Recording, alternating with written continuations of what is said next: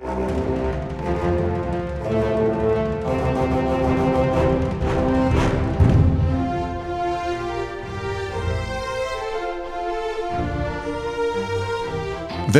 til Frankrike forklart, en podkast der du får svar på alt du lurer på om Frankrike. Mitt navn er Frank Urban. Og mitt navn er Geir Uvsløk. Og først av alt så vil vi ønske lytterne våre et godt nytt år. I årets første episode av Frankrike forklart, som innleder sesong sju, skal vi ta et kort tilbakeblikk på fjoråret, som annet ble preget av viktige nasjonale valg i Frankrike og internasjonalt av Russlands brutale angrep på Ukraina. Vi skal også snakke om hva vi kan forvente av dette nye året, særlig når det gjelder økonomiske, sosiale og politiske utsikter knyttet til Ukraina-krigen. Hva kan vi vente oss av overraskelser, og hva vil prege Frankrikes innen- og utenrikspolitikk fremover? Vi er igjen veldig glade for å ha med oss vår faste første gjest av året, Tove Gravdal, for å innlede 2023. Velkommen, Tove. Takk skal du ha. Tove er journalist, forfatter og Frankrike-kjenner. Hun jobbet i en årrekke i Morgenbladet, der hun bl.a. dekket fransk politikk og samfunnsliv, og ga ut boken 'Til bords med de mektige historien om Norge og FNs sikkerhetsråd' i 2021. Sammen med Dag Nylander kommer hun snart ut med en ny bok eh, om fredsprosessen i Colombia frem til fredsavtalen med FARC i 2016. Og Tove, Eh, det er altså fjerde gang du innleder året for denne podkasten, og det er vi veldig glade for. Eh, sist du var her, for ett år siden, og det kan virke som om det var for veldig lenge siden når vi tenker på hva som opptok oss da, eh, for da snakket vi nesten bare om covid-krisen og kommende valg i Frankrike. Europa tenkte lite på muligheten av en fullskala krig, og prisen på bl.a. energi og mat hadde ikke eksplodert slik det har nå. Hvordan tror du franskmennene har det nå tidlig i 2023? Ja, litt anekdotisk så sier de jeg har snakket med de siste dagene, at de har det bra og at eh, livet går sin gang. Og så ler de litt og sier at ja ja, men vi gjør jo som vi eh, alltid gjør, vi klager. Og så er vi litt pessimistiske, men så kommer det en eh, jul dette året også.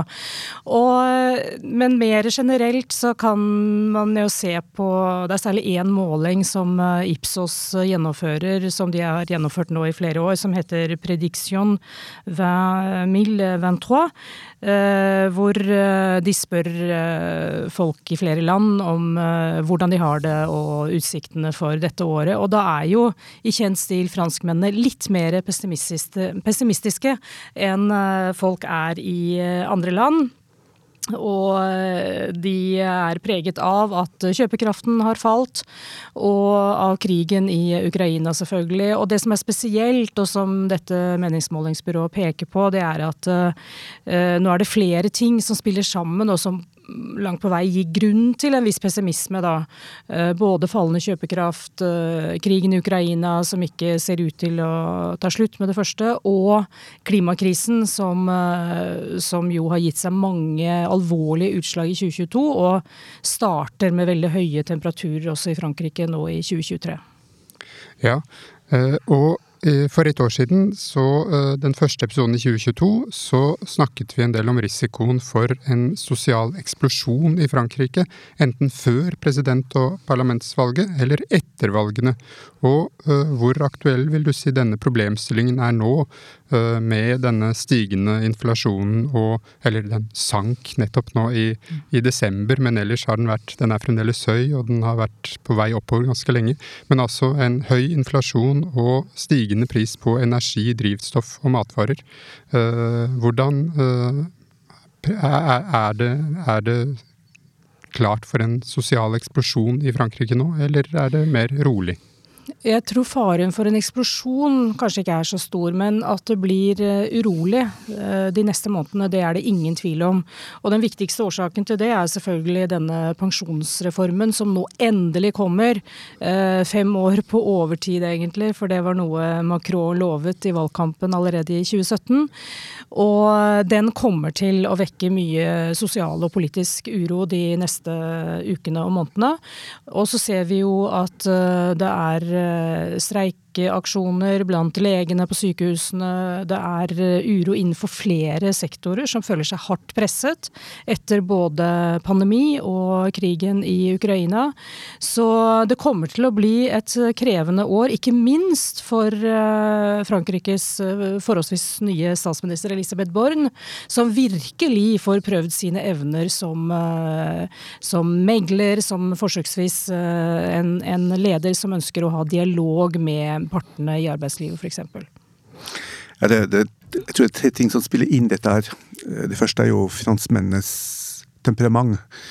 Uh, og på samme måte som ingen kunne forutse i 1968, eller tidlig i, i, 1968 at mai-opprøret skulle komme, mm. så er det veldig, alltid veldig vanskelig som du påpeker, det er alltid vanskelig å vite hvordan finansmennene egentlig har det, og hvor sinte og pitte uh, de kan være. Mm. Det andre er jo partienes evne til å mobilisere. Uh, og det er særlig viktig for opposisjonspartiene. Og vi kommer til å snakke litt mer om det, men er de sterke nok til å mobilisere og fange opp en måte sinnsstemmen i befolkningen eller ikke? Og det tredje, det er, som du påpekte òg, med de streikene, det er fagforeningene. Klarer fagforeningene å mobilisere? Klarer de å fange misnøye? Eller blir de forbikjørt av både en sint uh, opinion eller, uh, eller, av partiet som klarer å, kapre saker? Hva, hva, tenker du vil spille inn av de tre elementene, eller hvordan vil de på en måte posisjonere seg? Jeg syns det var interessant å registrere reaksjonene i Frankrike på en streik som eh, ble gjennomført i jula. Hvor eh, kontrollørene på togene streiket, og flere av de som ble rammet, var ordentlig sinna. Fordi juleferien ble rammet, de måtte holde seg hjemme i stedet for å dra til familien. Og med tanke på å fange opp hva som rører seg i befolkningen, det er også en viss tretthet lede, som vi, vi, kan si på norsk, eh, lassitude, over, eh, over disse stadige aksjonene og protest, protestene som rammer vanlige mennesker. Og det er annerledes enn det du så på 90-tallet f.eks., hvor det var veldig veldig stor oppslutning i befolkningen om, om streikene som, som, da rammet veldig mange av dem. Nå har jeg inntrykk av, i hvert fall, av at folk er litt mer lei disse, disse streikene og aksjonene organisasjonene. Og det blir spennende å se nå i januar eh, om fagforeningene og, og særlig venstresiden greier å mobilisere til protest, slik de har varslet eh, mot slutten av januar, mot eh, pensjonsreformen f.eks. Men det, det, er veldig bra, for det gir oss en, en fin overgang. Eh, la oss se litt på innenrikspolitikken. Eh, Macron ble valgt for fem år, siden, eh, for, for fem år til, eh, i april i fjor. Eh, mange la merke til at han kom sent i gang med valgkampen, og til tider manglet engasjement.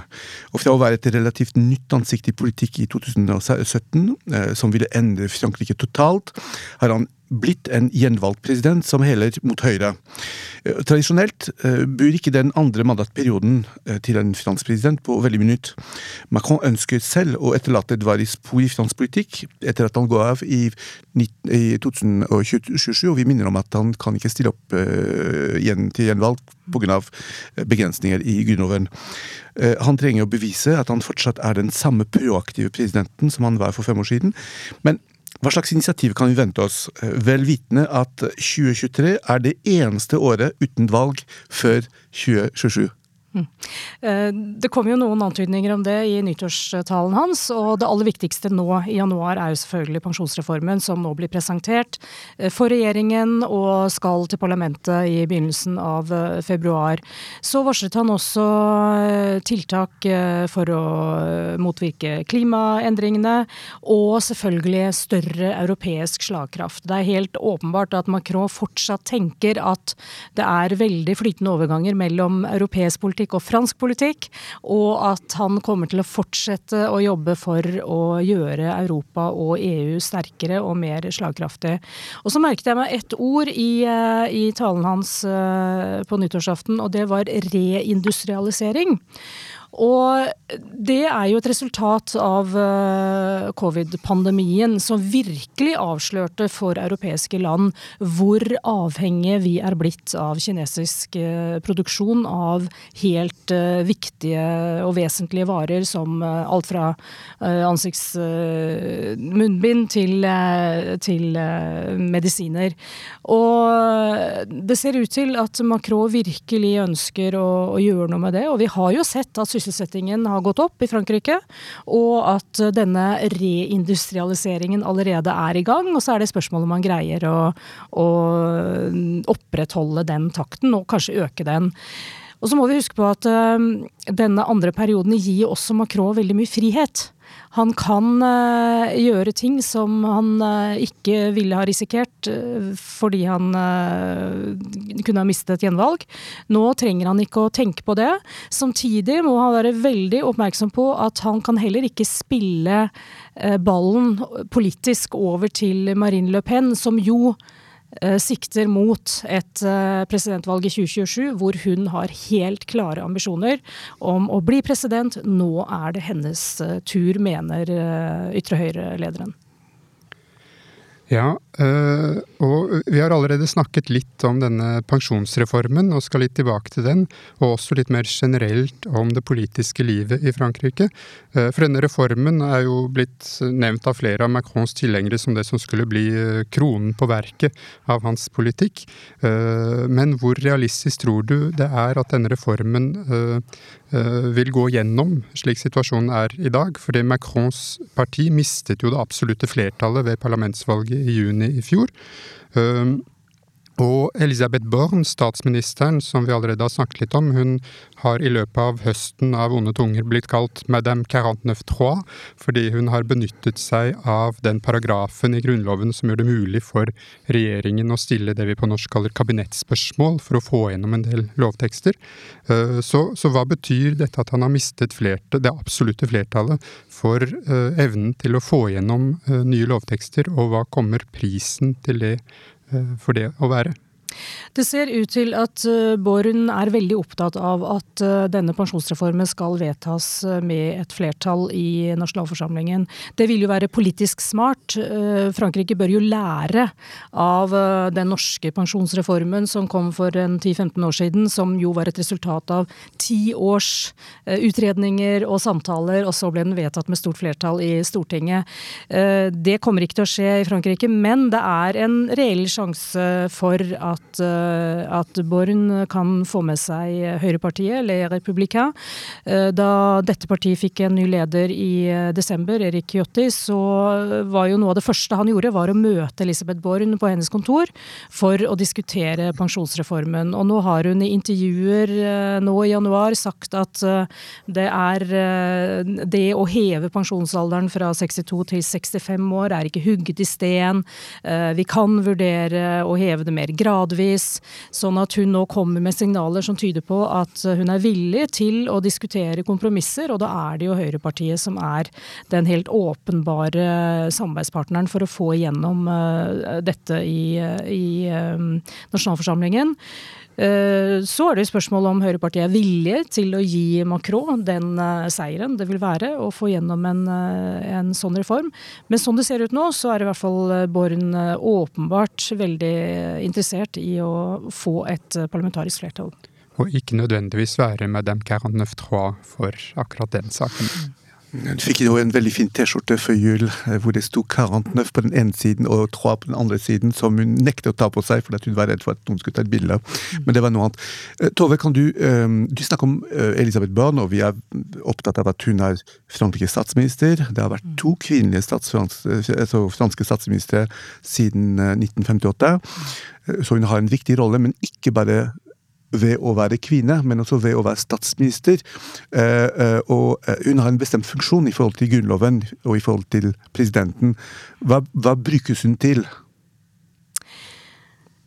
Hun er jo i likhet med forgjengerne den som gjør grovarbeidet. Langt på vei, for presidenten, som må ta alle skyllebøttene, må ta alle de harde kampene i, overfor parlamentet, altså både mm. nasjonalforsamlingen og, og senatet. Og hun er etter min oppfatning ganske godt egnet til det. Hun har lang politisk erfaring. Husk at hun også kommer fra venstresiden. Hun øh, jo, jobbet jo for Sosialistpartiet i mange år. Og er dermed også viktig for, øh, for Macron for å, øh, for å, legitimere at han fortsatt er en sentrumspresident. Selv om han jo nok har tatt noen skritt til høyre. Uh, og nå gjennomfører hun uh, veldig, veldig mange det, det som kalles concertation, altså mm. samtaler med aktørene i arbeidslivet, med andre politiske partier, og gjør mye av det som Macron kan heve seg over, da. Men så er det jo også hun som får skylda hvis det ikke lykkes. Og da er det jo en risiko for at hun uh, gå må gå av. Og, for å snakke med en elektriker, hun er en sikring. Ja. Som, som, beskytter presidenten mot enhver form for direkte angrep. Så, sånn er Den femte republikk bygd opp, egentlig. Sånn er Grunnloven bygd opp, at det er rollen til statsministeren. Det er veldig mye å si om, eh, om, om pensjonsreformen. Vi, vi noterer bare for kort sagt er det enighet blant partiene om den reformen? Absolutt ikke. Er det enighet blant fagforeningene om den, den reformen? Absolutt ikke. Er det enighet om behovet for den reformen? Absolutt ikke. Eh, det, det, det, er jo to leirer. De som mener at på lengre sikt så må man ha en reform fordi at man ikke kan finansiere pensjonen pensjon, altså franskmennenes pensjon over tid. Og de som mener at det er så lite underskudd over tid, og det vil være endringer i befolkningssammensetningen i en 30-40 års perspektiv som vil på en måte gjøre den problemstillingen helt uaktuell. Så det er det kanskje det som er problemet som problem for, for mange franskmenn. det er jo at man, man, skjønner egentlig ikke helt om det, har, om det er behov for den reformen, og, og, og hvor, hvor, dypt gående skal den være? Samtidig, jeg er litt uenig i det, for, for, jeg har gjennom flere år snakket med ganske mange franskmenn som, eh, som eh, absolutt innser at denne reformen er eh, nødvendig, og at Altså, de har jo en gjennomsnittlig levealder som er fullt på høyde med den norske. Og jeg husker særlig en pensjonert lærer som jeg snakket med nede i i Sør-Frankrike på et sånn gullvestermøte. Og han bare lo litt og sa tenk jeg har jo vært pensjonist i 20 år, det er jo helt meningsløst. Jeg er jo fortsatt frisk og rask, sa han og kunne godt ha jobbet lenger.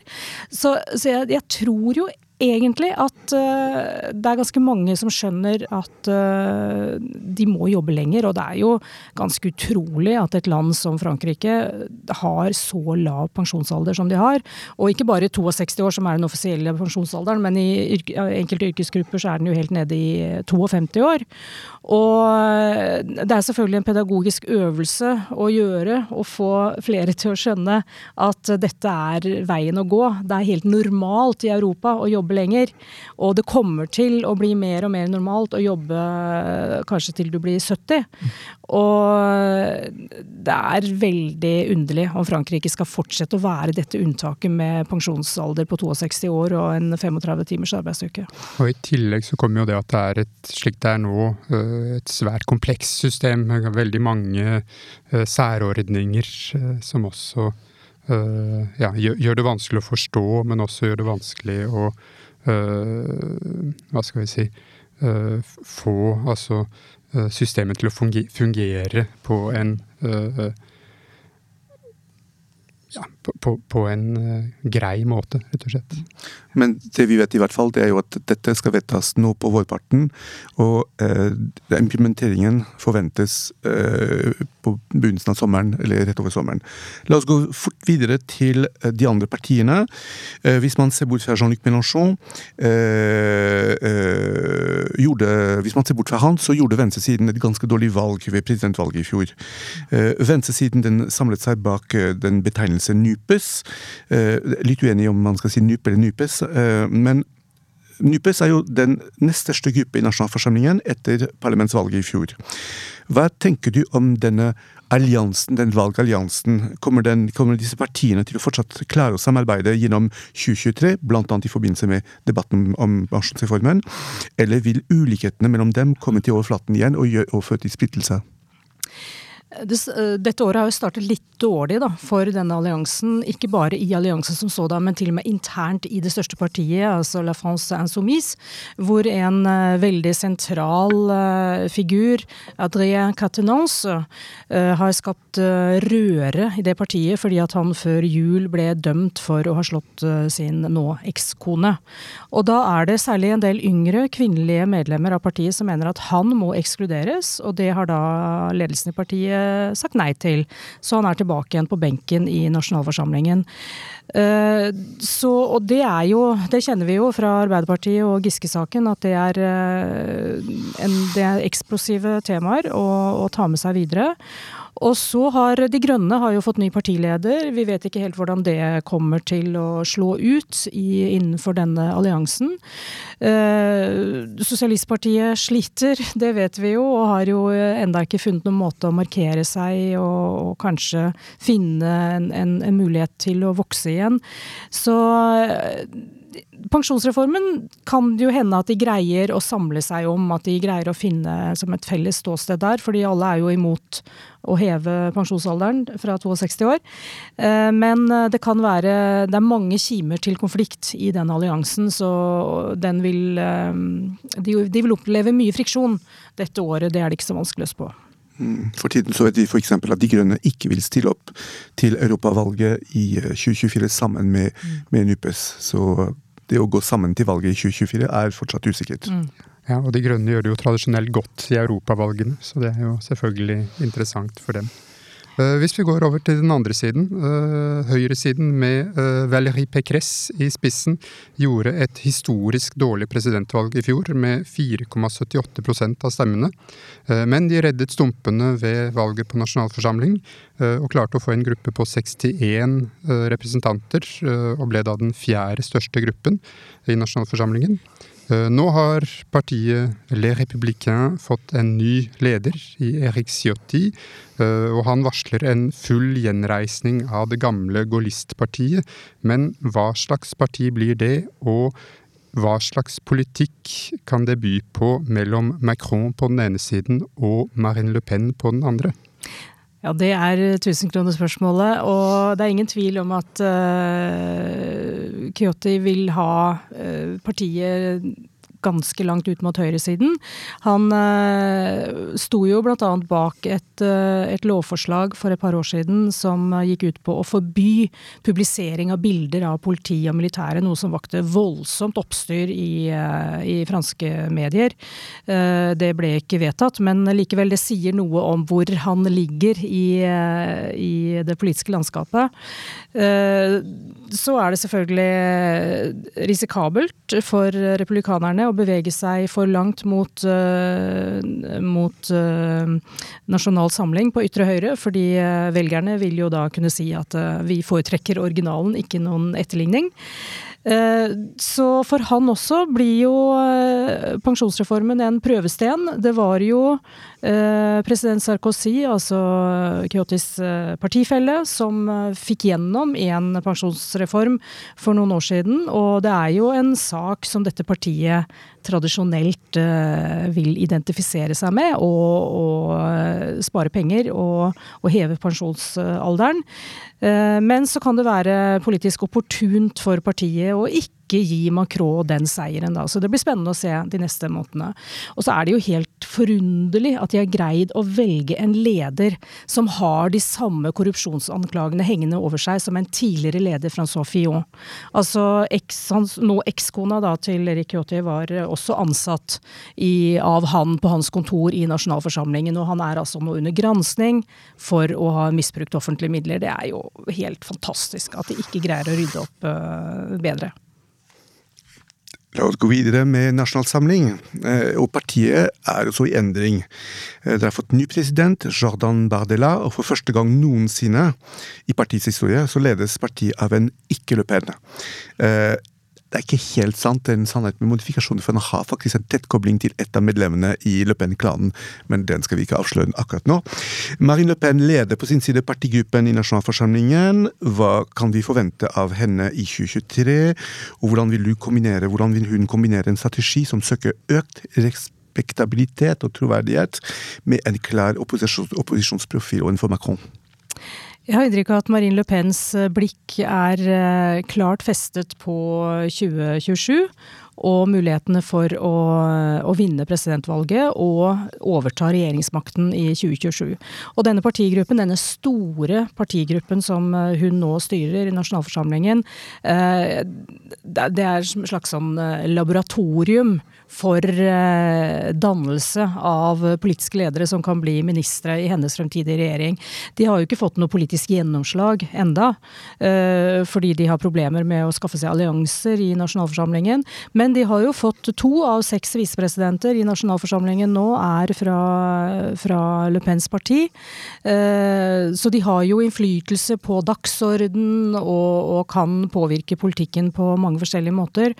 Og eh, men det er selvfølgelig veldig krevende for Marine Le Pen å, som du sier, balansere dette ønsket om å bli respektert og akseptert som, uh, som en politisk maktutøver, og det å samtidig fortsette å være i opposisjon og beholde den slagkraften hun har ved hjelp av å være kanskje populistisk, uh, opportunistisk. En ting som, som blir spennende å se utover i året, er dersom dersom det blir eh, vanskelig å beholde den europeiske fellesfronten mot Russland, hvor vil Le Pen legge seg da? Fordi hun har jo forbindelser til Russland, hun har forbindelser til, til Kreml og Putin. Og det kan være at det i det franske folkedypet er en slags sånn uh, mistro mot uh, fortsatt denne altså denne usvikelige støtten til mm. Ukraina, og kanskje et ønske om å nærme seg Russland igjen. Uh, og det, det blir spennende å se om, om Le Pen vil nøre i det farvannet der. Vi snakket om sikringsstar. Hennes sikring i presidentvalget var jo Erik Zemmour, men den sikringen er gått, mm. så den kan ikke brukes igjen. Mm. Ja, og, og, da er vi litt uh, allerede over i utenrikspolitikken, så vi kan fortsette der. Uh, noen kommentatorer hevdet at Macron trolig ikke ville ha blitt gjenvalgt så lett uten krigen uh, i Ukraina, altså angrepet på Ukraina fra Russland. og måten han har håndtert denne krigen på så langt, særlig når det gjelder hensynet til Moskva, har vekket en del skepsis både nasjonalt og internasjonalt. Og hva kan vi forvente av den franske presidenten i en situasjon hvor krigen fortsetter gjennom mesteparten av 2023? Jeg tror nok at det er en viss forståelse internasjonalt for at Macron har ønsket å holde en kanal åpen til Putin, som han jo gjorde i lang tid. Og dette snakket han nok med president Joe Biden om da Macron som første utenlandske statsoverhode var på statsbesøk hos president Biden eh, nå før jul. Eh, så jeg tror nok at han får eh, tilslutning for at han holder en, en viss åpning for, for å kommunisere med, med Putin. Eh, og vi må også huske på at han opptrådte jo i fjor vår som først og fremst president for eh, ministerrådet i EU. Og, og hadde, hadde, og kommuniserte med Putin også som representant for, for EU. Det vi jo ser fremover, er at det er varslet et toppmøte mellom EU og Ukraina som skal avvikles i Kiev i, eh, i, februar. Jeg er helt sikker på at Macron kommer til å dra dit, og at han ønsker å fortsette å spille en rolle som aktør. Det som er utfordringen for Macron, det er jo at Tyskland er så fremstår så svakt eh, på den internasjonale arenaen nå. Så denne fransk-tyske aksen som er så viktig i Europa, er eh, virkelig, sånn, virkelig svekket. Og så har du Kan du få inntrykk av at tyngdepunktet i EU nå liksom beveger seg litt mot, uh, mot øst? At Polen er en mer sentral aktør fordi de, de får, har jo fått rett sant, i sine advarsler mot uh, trusselen fra, fra Putin og, og Russland. Men uh, Macron er jo veldig flink på den europeiske arenaen, og han har en veldig god alliert i Ursula von der Leyen, som jo var hans kandidat, selv om hun var tysk, da hun ble kommisjonens uh, leder. Og um, jeg er helt sikker på at han kommer til å spille en veldig sentral rolle i det videre diplomatiet rundt konflikten i Ukraina. Man må kanskje droppe den tvetydigheten når det gjelder hensynet til sikkerhets garantier for Russland. Mm. Og den, den, faktiske støtten i, i, i form av militærtilstyr til, til, Ukraina, det skaper usikkerhet blant de allierte. Og det splitter EU-landene og gjør det vanskelig for han å spille en rolle som han ønsker å, å spille. Så det blir spennende å se hvordan, hvordan han legger seg fremover. ikke sant? Så heller mer mot klare støtte til Ukraina, som egentlig har klart fra fransk side, men, mm. men, men, den retorikken om at Russland skal skånes, mm. oppfattes veldig negativt i, uh, fra de allierte, og, og skaper litt sånn tvil om hans egentlige motiver. Så det, det hadde vi, en, vi, hadde en episode om dette før jul, hvor mm. vi tok det opp. Um, miljøpolitikk. Det var også noe som eh, skulle være viktig for Macron da han ble valgt i 2017. Eh, og så kom eh, covid, og så kom Ukraina-krigen. Og så kom, eh, på en måte den behovet for å veie opp energibehovet kontra miljøtiltakene. Hva slags handlefrihet har han egentlig? Hva kan han tilby, hva kan han komme med av tiltak eller av forslag? Altså Det viktigste Macron har i ermet, det er jo disse atomkraftverkene sine. Paradoksalt nok. Eh, fordi eh, atomkraft fremstår jo nå som en, eh, et veldig godt alternativ for gass og, og energi, som, som, Europa har fått fra, fra, Russland. Han var jo innom disse atomkraftverkene også i nyttårstalen sin. Men også på miljø- og klimapolitikken så er jo Macron veldig opptatt av at dette skal skje på et europeisk nivå.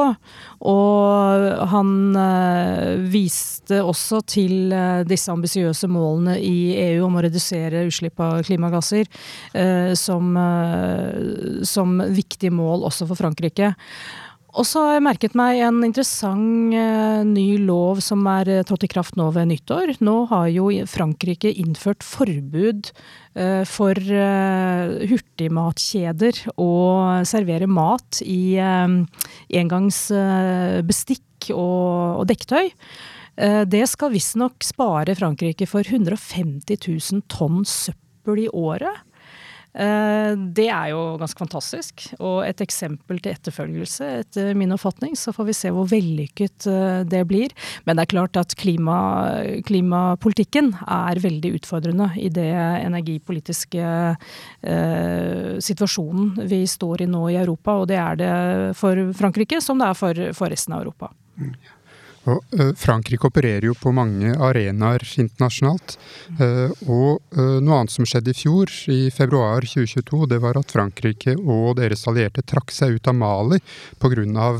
Gjentatte problemer med militærjuntaen som styrer landet, i kampen mot jihadistene, og med en offentlig opinion som i økende grad var imot en fransk tilstedeværelse i landet.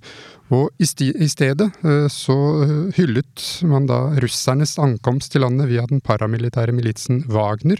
Eh, og hvordan vil franskmennene, tror du, motarbeide en svekkelse av deres tradisjonelle rolle som politimann i på det afrikanske kontinentet i 2023? Ja, Det gjelder jo ikke bare Mali. De siste dagene er jo den franske ambassadøren i Burkina Faso erklært persona non grata i Burkina Faso. Og eh, etter min oppfatning har ikke Frankrike eh, så mye de skulle ha sagt i disse landene. Det er ikke veldig mye de kan gjøre. Eh, når eh, autoritære regimer i Burkina Faso og, Mali velger å, å, vende seg til Russland for å få hjelp til å beholde makten. For det er jo det det handler om. Det handler jo ikke om å beskytte befolkningen, det handler om å beholde makten for dem. Eh, så det er veldig tragisk. Utrolig trist utvikling. Men det som jo også har skjedd de siste månedene, er at Frankrike har greid å bedre sitt forhold til Algerie, som jo er en veldig veldig, veldig viktig aktør i den regionen. Og den algeriske presidenten skal etter planen komme på et statsbesøk til Frankrike. Både Macron og Elisabeth Borne var i Algerie det forrige halvår. Og Algerie er jo en viktig, et ekstremt viktig land nå i denne energikrisen som vi har i Europa, fordi de eksporterer gass. Uh, og det er viktig for Frankrike. Og så har, har Frankrike ryddet opp i noen visaproblemer for algeriske borgere, som har ført til at, uh, at, det kommer nå mye mer positive signaler fra Algerie om samarbeidet med, med Frankrike. Og det har jo store sikkerhetspolitisk, har stor sikkerhetspolitisk betydning, fordi Algerie er en så utrolig viktig aktør også i kampen mot, uh, mot islamistiske Eh, radikale grupper i regionen. I forbindelse med energispørsmål og gasseksporten så er det veldig interessant å høre hva du sier om Algerie, og vel vitende om at eh, det går rykter, og sterke rykter om at president Macron kommer til Norge ganske snart. Det vil ikke overraske meg om man også snakker litt om energi og gass i den forbindelsen. Men Tove, på slutten av hver episode ber vi vår gjest om å komme med en fransk anbefaling. Hva er din anbefaling denne gangen til våre lyttere? Jeg vil anbefale mm, en eh, belgisk uh, superstjerne. Uh, som heter Stromae, som i 2022 gjorde sin Eller returnerte på den internasjonale arenaen med en, en ny plate som heter Multitude. Og eh, Stromae er jo en fascinerende person. Altså det er bare å gå på YouTube og søke på navnet hans, så kommer det opp fantastiske videoer med For han er så visuell, og så lager han veldig, veldig flott musikk. Og den, eh, den første låta han slapp på markedet i fjor, heter 'L'Enfer'. Og der beskriver han eh, år med, med psykiske plager, selvmordstanker. Og det er sjelden jeg har sett en video som så godt illustrerer hvordan det må være å være deprimert. Og det er jo et minneverdig øyeblikk da han stilte opp på den franske dagsrevyen i TFA og sang den sangen på direkten. Den ligger, den, det ligger også ute på YouTube. Og Stroma er en, en, fyr å lytte til og se på. Det er veldig flott uh, franskspråklig kultur, etter min oppfatning. Tusen takk. Alle disse referansene finner dere på websiden vår. Uh, Geir, du har også en anbefaling. Ja, jeg har både en anbefaling og en liten appell. Uh, for jeg vil gjerne anbefale en franskspråklig prisvinnende forfatter som dessverre står i fare for å bli glemt, nemlig Anna Langfus, som i 1962 fikk Goncourt-prisen for den fremragende romanen Le Bagage du Sable. Anna Langfus var jøde, hun het opprinnelig Anna Regina Stjernfinkel. Hun ble født i Lublin i Polen i 1920, og overlevde på mirakuløst vis holocaust, mens hele familien hennes ble utslettet av nazistene, i likhet med omtrent tre millioner polske jøder under andre verdenskrig. Uh, Anna Langfuss overlevde gettoen i Lublin, hun overlevde gettoen i Warszawa, hun overlevde fangenskap og tortur. Eh, hun og hennes daværende mann, eh, Jakob Reis, ble tidlig involvert i polsk motstandsarbeid, og de ble begge arrestert mot slutten av krigen. Eh, gestapistene fant ut at Jakob var jøde, og de skjøt ham med Anna som vitne. Hun overlevde det også, etter krigen så kom hun til Frankrike i 1946 og begynte ganske raskt å skrive. Eh, og i første halvdel av 1960-tallet så kom hun med tre sterke, gripende og svært velskrevne romaner om holocaust og om det å leve videre etter å ha overlevd holocaust. Hun døde dessverre tidlig i 1966, og hun ble siden gradvis glemt. I dag så er det bare en håndfull akademikere som studerer bøkene hennes, og de to første romanene hennes, som kanskje er de viktigste, trykkes ikke ikke i nye opplag av forlaget Gallimard. Så min anbefaling til lytterne våre det er altså at dere prøver å få tak i Anna Langfus bøker, og leser dem eh, på bruktbokhandler på nettet foreløpig. Det er virkelig verdt bryet. Og min lille appell det er som følger. Jeg har selv skrevet til Gallimard og spurt høflig hva det er de driver med, og når det kommer nye opplag av Anna Langfuss' førsteromaner. De har ikke svart, så jeg vil derfor oppfordre de av lytterne våre som skriver fransk om å skrive til Gallimard og spørre når de har tenkt å trykke opp nye opplag av Anna Langfuss sine bøker. Dere får kanskje heller ikke svar, men jeg håper at det også likevel vil være bryet verdt. Kjempefint. Tusen takk, Tove. Tusen takk for at du ble med igjen i dag. Og eh, da gjenstår det egentlig bare å takke deg, Tove, for å, eh, for å, komme. Og så høres vi igjen i neste episode av Frankrike forklart. Au revoir et bonne année tout le monde. Frankrike forklart er et samarbeid mellom Universitetet i Oslo og Høgskolen i Østfold. Podkasten er støttet av Det norske universitetssenteret i Paris og Institut Francais i Oslo, og har full redaksjonell frihet. Abonner på Frankrike forklart på iTunes, Spotify eller på andre plattformer der du lytter til podkast. Har du kommentarer til oss eller forslag til temaer vi bør ta opp, kan du sende inn det via vår Facebook-side Frankrike forklart. Alle dagens referanser ligger på denne Facebook-siden og på nettsiden vår. Vi skriver en kronikk i forbindelse med hver episode som belyser dagens tema fra en litt annen vinkel. Kronikken finner dere på forskning.no, transitmagasin og på nettsiden vår.